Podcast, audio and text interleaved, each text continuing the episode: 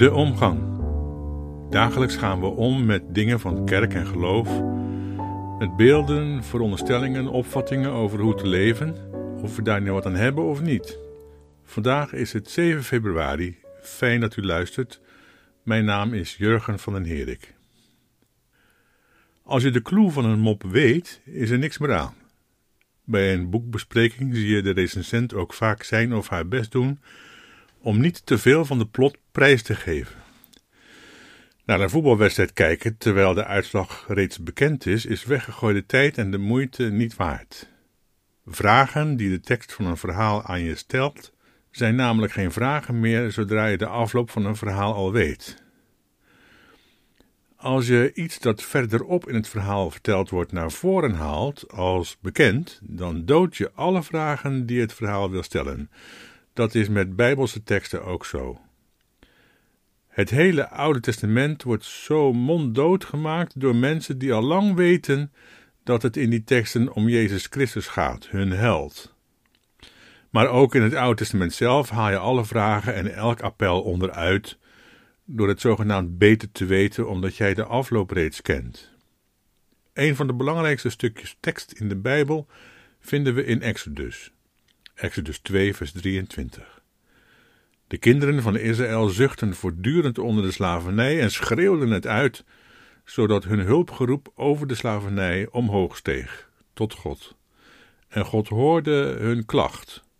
En God gedacht aan zijn verbond met Abraham, Isaac en Jacob.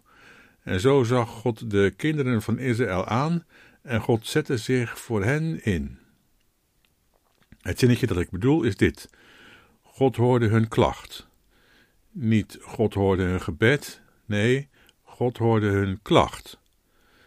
De Bijbel wil het niet over God in het algemeen hebben en al helemaal niet over de God van de farao die elke dag vroom bidt om meer slaven in zijn bedrijf en om maximalisatie van de winst. Slaven willen het hebben over wat zij, slaven, bedoelen als zij het woord God gebruiken. Er is ook een God die het klagen van de slaven hoort en doof is voor de machten. Dat is dus niet de God waarvan Jan en alle man en Mien en alle vrouw meent dat hij bestaat.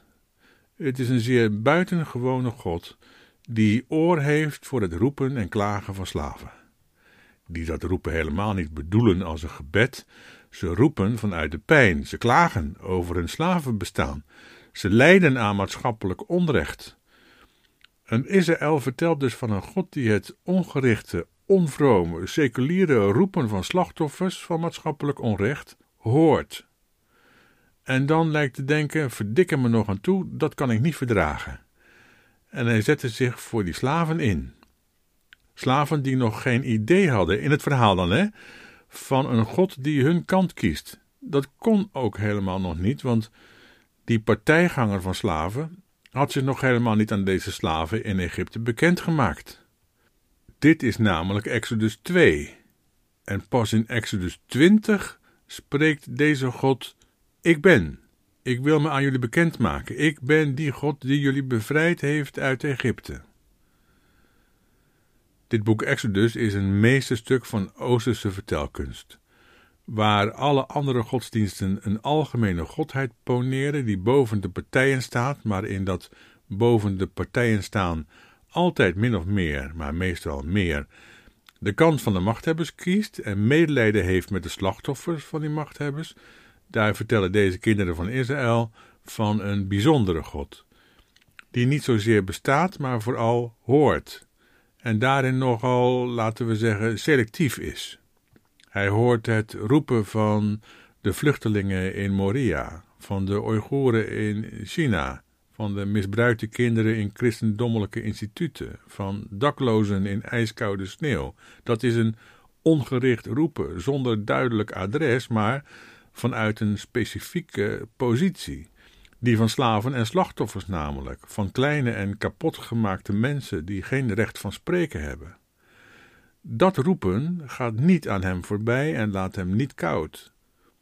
Het zou goed zijn als prelaten en kerkvorsten en regeringen rond de reden van degene op de troon of presidenten die een Bijbel voor de camera in de lucht houden dat zouden beseffen. Maar dat zullen ze niet doen. En zo lang zal hun gebabbel in het luchtledige blijven hangen. En hoeven ze van gebedsverhoring geen sikkepitje te verwachten. De Bijbel is echt veel atheïstischer dan veel kerkelijke functionarissen waar willen of waar durven hebben. De God waarvan zij menen dat die bestaat, is namelijk geen levende. Als hij al oren heeft, dan hoort hij niet, en een mond, dan spreekt hij niet. En zo kan het gebeuren dat die hele godsdienstige folklore meer teleurstelling teweeg brengt dan die Joodse stem, die stem van kinderen Israëls, die Bijbel heet, waar wil hebben. Bedankt voor het luisteren en tot een volgende keer.